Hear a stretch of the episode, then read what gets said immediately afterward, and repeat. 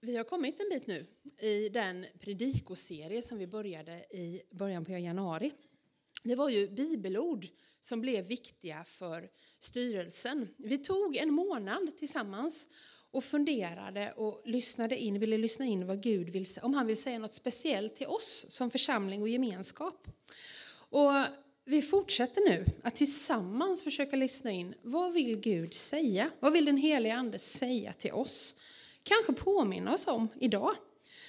Vad han vill göra ibland oss och i oss och genom oss. Och Torbjörn har redan läst från Efesierbrevet 6 och Lena har redan haft en predikan så jag skojade med henne och sa att det är ingen idé att jag går upp för det är redan klart. Men jag ska försöka komplettera lite. Eh, men vi har redan läst och hört Efesierbrevet 6, 10-18.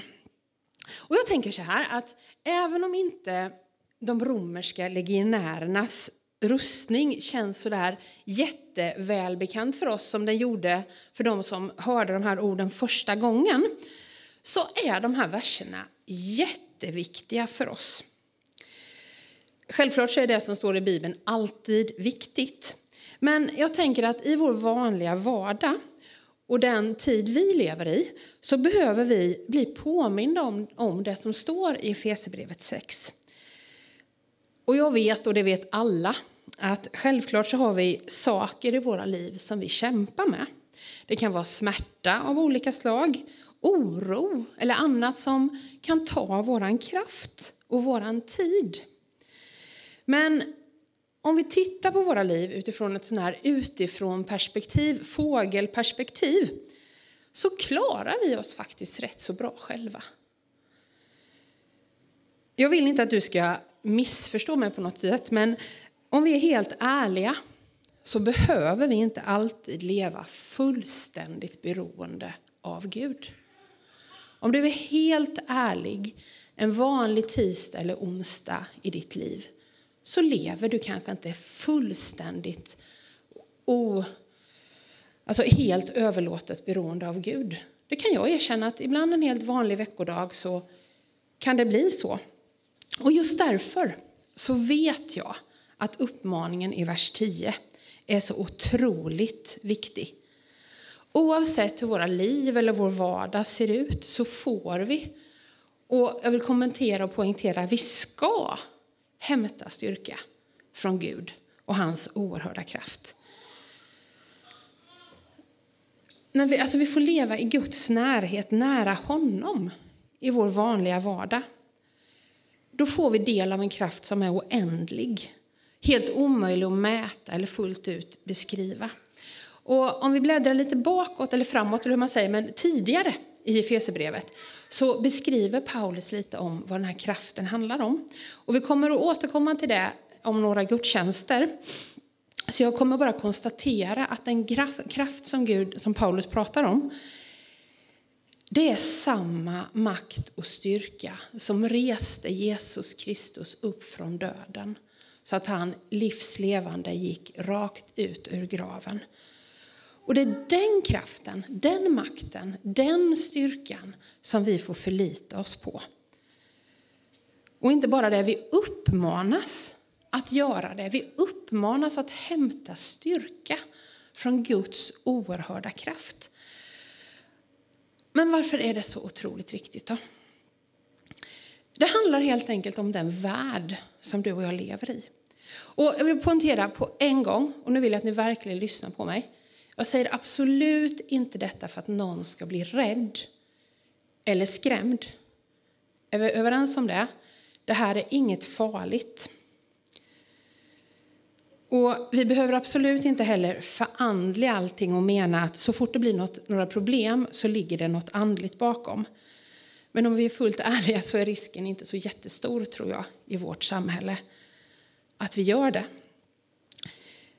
Därför, när jag har sagt det, så tänker jag att det som Paulus konstaterar i vers 12 är någonting som vi behöver bli medvetna om.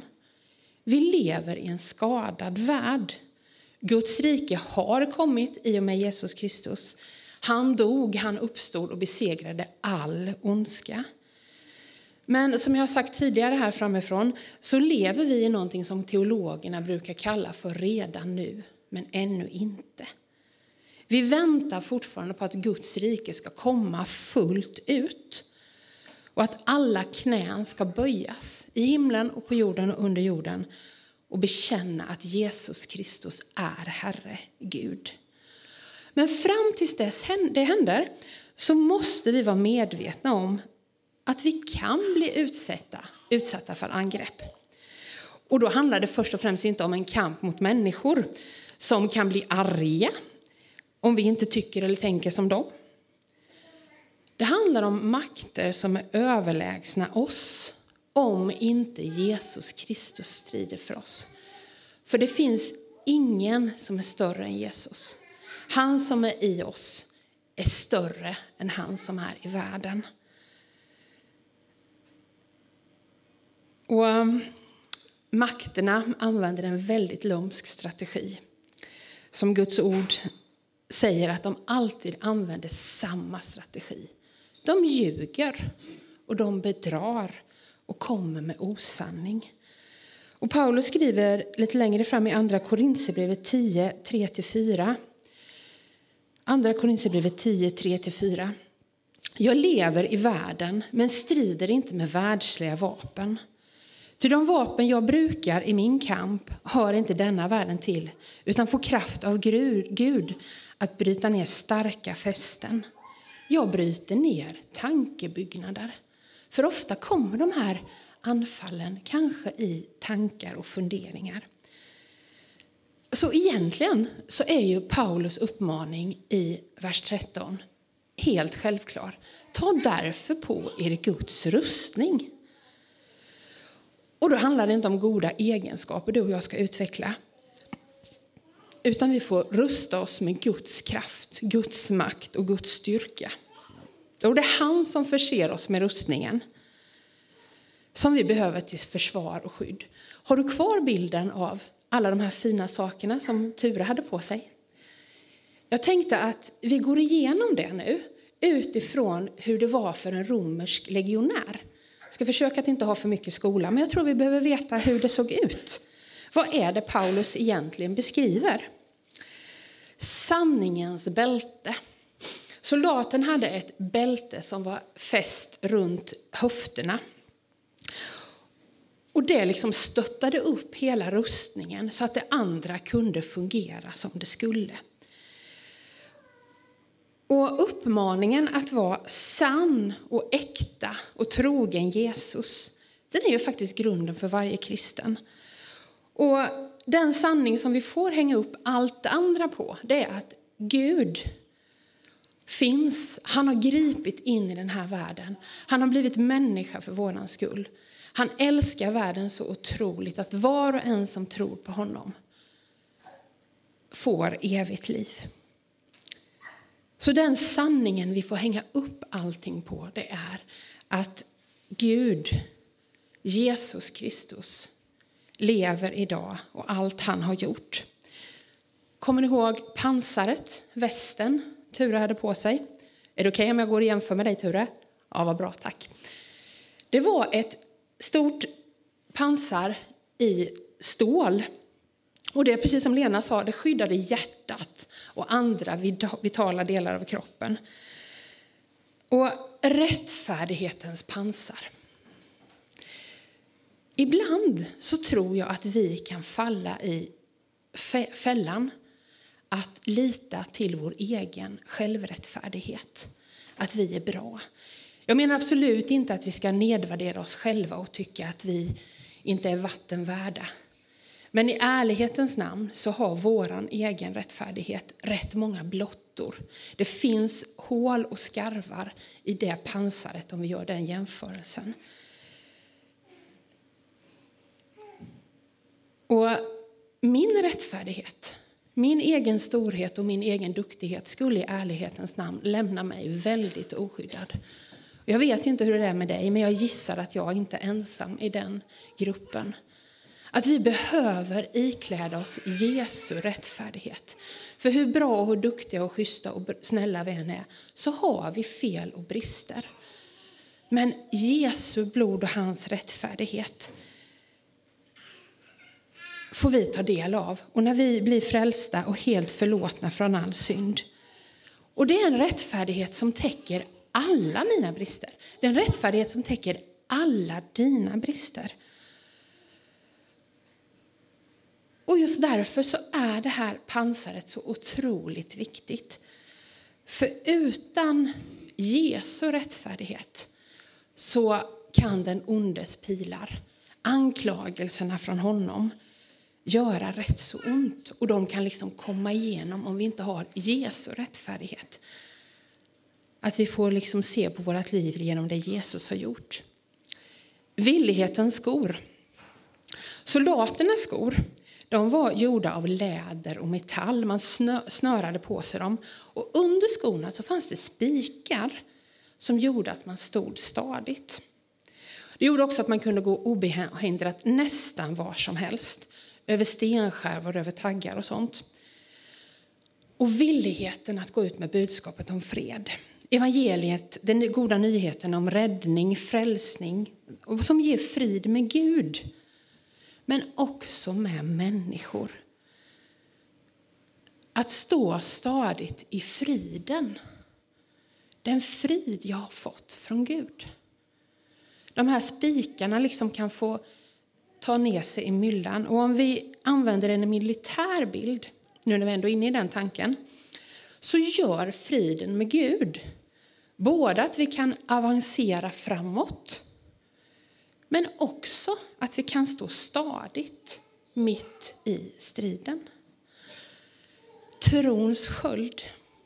Det var ett vackert paraply, Lena. Men den här skölden det var liksom inte en bara sån här leksaksrustning som ni kanske har sett i plast, en liten sköld. Utan det var en stor, välvd sköld. Den var, nu ska vi se så jag inte säger rätt fel här. Den var över en halv meter bred och mer än en meter lång.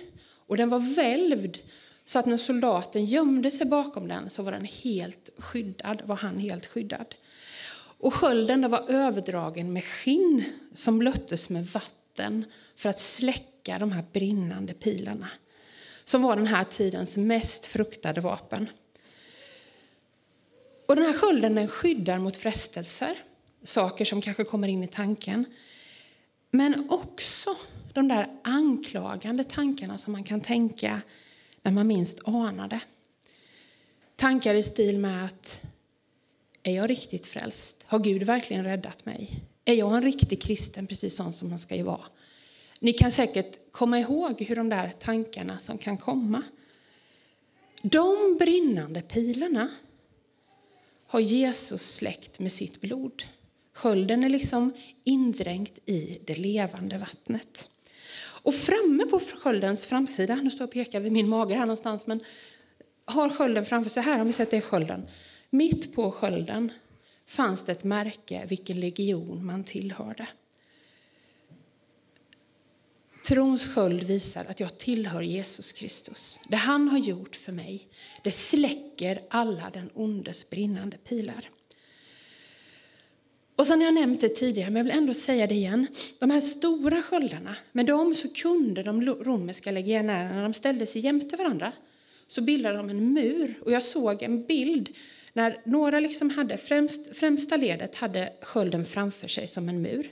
Sen stod de på sidan och hade det så. Och sen fick de även ta sköldarna som ett tak, så det blev som en hydda. Och där inne var de trygga och skyddade.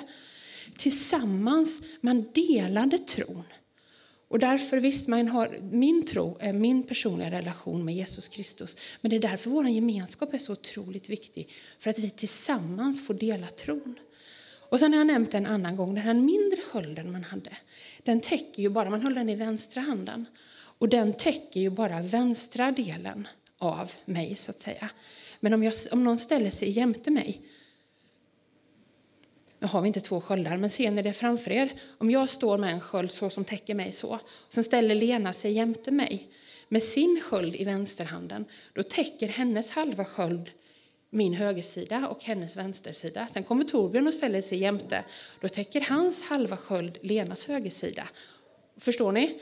Att vi får liksom trons sköld. Det är min tro, men tillsammans tror vi. Och ibland kommer vi i de situationerna när vi inte orkar tro. Och jag har vänner som har sagt till mig i vissa situationer att idag tror jag för dig. När livet har blivit för jobbet. Idag tror jag för dig. Att trons sköld är den här stora legionära skölden som skyddar, som kan bilda ett hus. Men också det här när man tillsammans är jämte varandra. Hjälmen. Ridhjälmen var fin, men den här hjälmen var något helt annat. Det var en hjälm som visade vilken legion man tillhörde.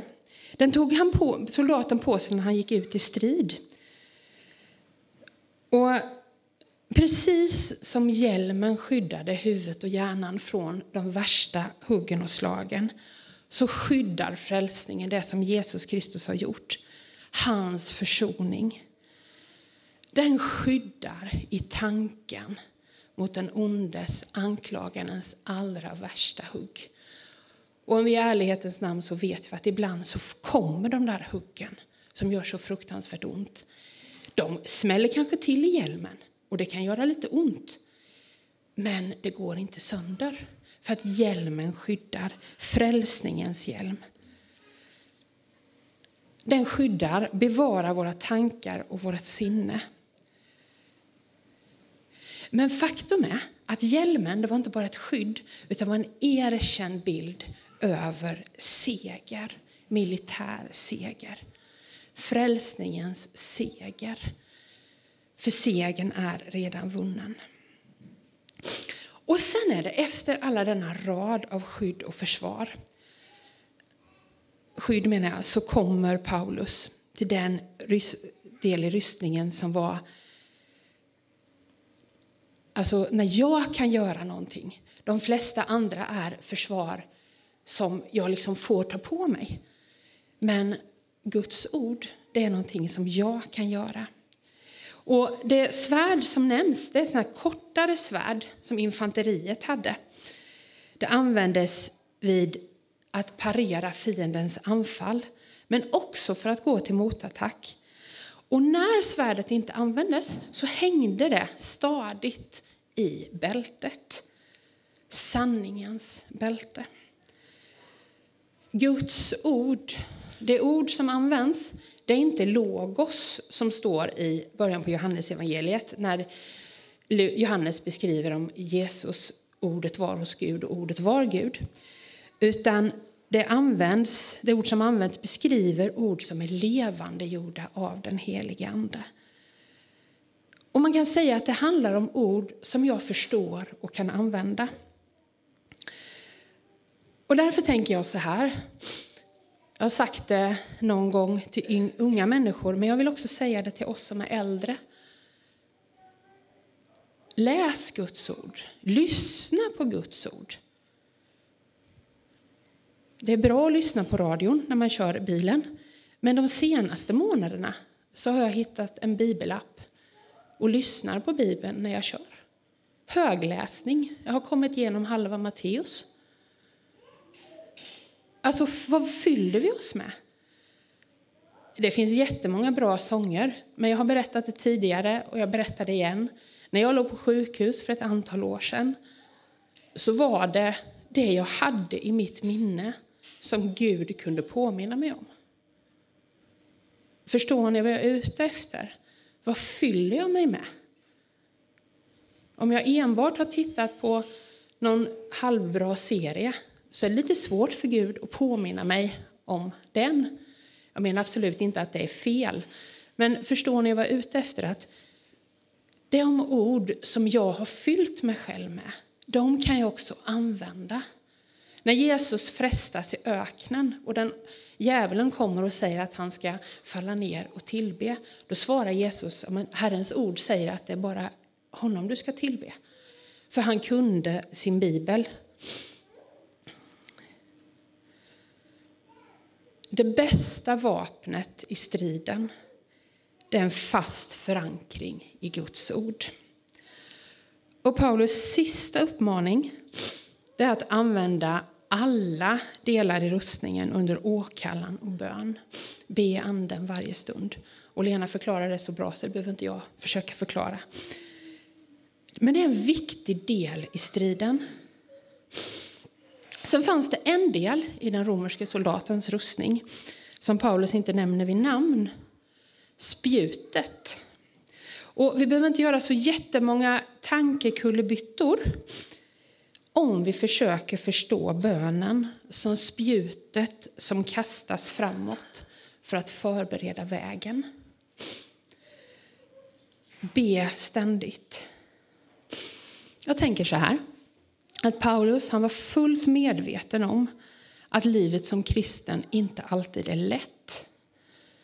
Men han vet och påminner oss också om att vi alltid får leva i Jesu närhet. Att vi alltid får hämta styrka hos honom, vars makt och kraft aldrig tar slut. Hos honom som har vunnit en evig seger. Han kommer aldrig att lämna dig. Han kommer aldrig att överge dig. Och ett tips jag vill skicka med, som en kompis till mig började med att göra i 20-årsåldern, och hon är i min ålder ungefär. Om du vill, varje morgon när hon steg upp, när hon tog på sig sina vanliga kläder, så tar hon på sig, bokstavligt talat, Guds rustning. Nu tar jag på mig frälsningens hjälm. Nu tar jag på mig rättfärdighetens pansar. Nu tar jag på mig sanningens bälte. Nu tar jag på mig villighetens skor. Och nu plockar jag upp trons sköld. För att hämta styrka i Guds makt, i Jesu Kristi makt och låta den helige Ande få leda mig varje dag. Pröva vad jag har sagt. Vad har den helige Ande sagt och kanske påmint dig om idag? Jag avslutar med att läsa Efesierbrevet 6, 10-18 en gång till. Hämta nu styrka hos Herren av hans oerhörda kraft. Ta på er Guds rustning så att ni kan hålla stånd mot djävulens lömska angrepp. Ty det är inte mot varelser och kött och blod vi har att kämpa utan mot härskarna, mot makterna, mot herrarna över denna, denna mörkrets värld, mot ondskans andemakter i him himlarymderna. Ta därför på er Guds rustning så att ni kan göra motstånd på den onda dagen och stå upprätt efter att ha fullgjort allt. Stå alltså fasta. Spänn på er sanningen som bälte och klä er i rättfärdighetens pansar. Och sätt som skor på era fötter villigheten att gå ut med budskapet om fred. Håll ständigt trons sköld framför er. Med den ska ni få den ondes alla brinnande pilar att slockna och grip frälsningens hjälm och Andens svärd som är Guds ord. Gör det under åkallan och bön och be er i er ande varje stund. Därför ska ni hålla er vakna och aldrig tröttna i er bön för alla de heliga. Vi ber tillsammans. Jesus, jag tackar dig för att du är Herre och kung. Tack för att du har vunnit en evig seger över all ondska, all makt och allt som kan vara jobbigt och svårt, Herre. Tack för att vi får ikläda oss frälsningens hjälm, rättfärdighetens pansar, sanningens bälte, villighetens skor, trons sköld och Guds ord, ditt ord, Herre, som svärd. Herre, fyll oss med din kraft, fyll oss med ditt liv och fyll oss än en gång med ditt levande vatten. Låt det få påla i och genom oss, Herre. Tack för att vi får vara dina barn, Herre. Tack för att vi tillhör dig, Herre. Tack för att ditt märke är skrivet på vår sköld men också är sigillet på vårt hjärta. Tack för att vi tillhör dig. Och herre, jag tackar dig för att det finns ingenting som kan locka oss eller dra oss eller ta oss från din famn, Herre. Tack för att frälsning gäller nu och i evighet. Och Herre, du känner oss var och en. Du vet vilka blottor vi har i våra liv. Du känner oss, du vet. Men Herre, jag tackar dig för att vi behöver inte vara självrättfärdiga utan att det är din rättfärdighet vi får ha som pansar i våra liv, Herre. Fortsätt att tala till oss, du helige Ande. Och låt ditt verk få växa och bli ännu mer synligt i oss som individer men också i oss som gemenskap. Det ber jag om i ditt eget namn Jesus. Amen.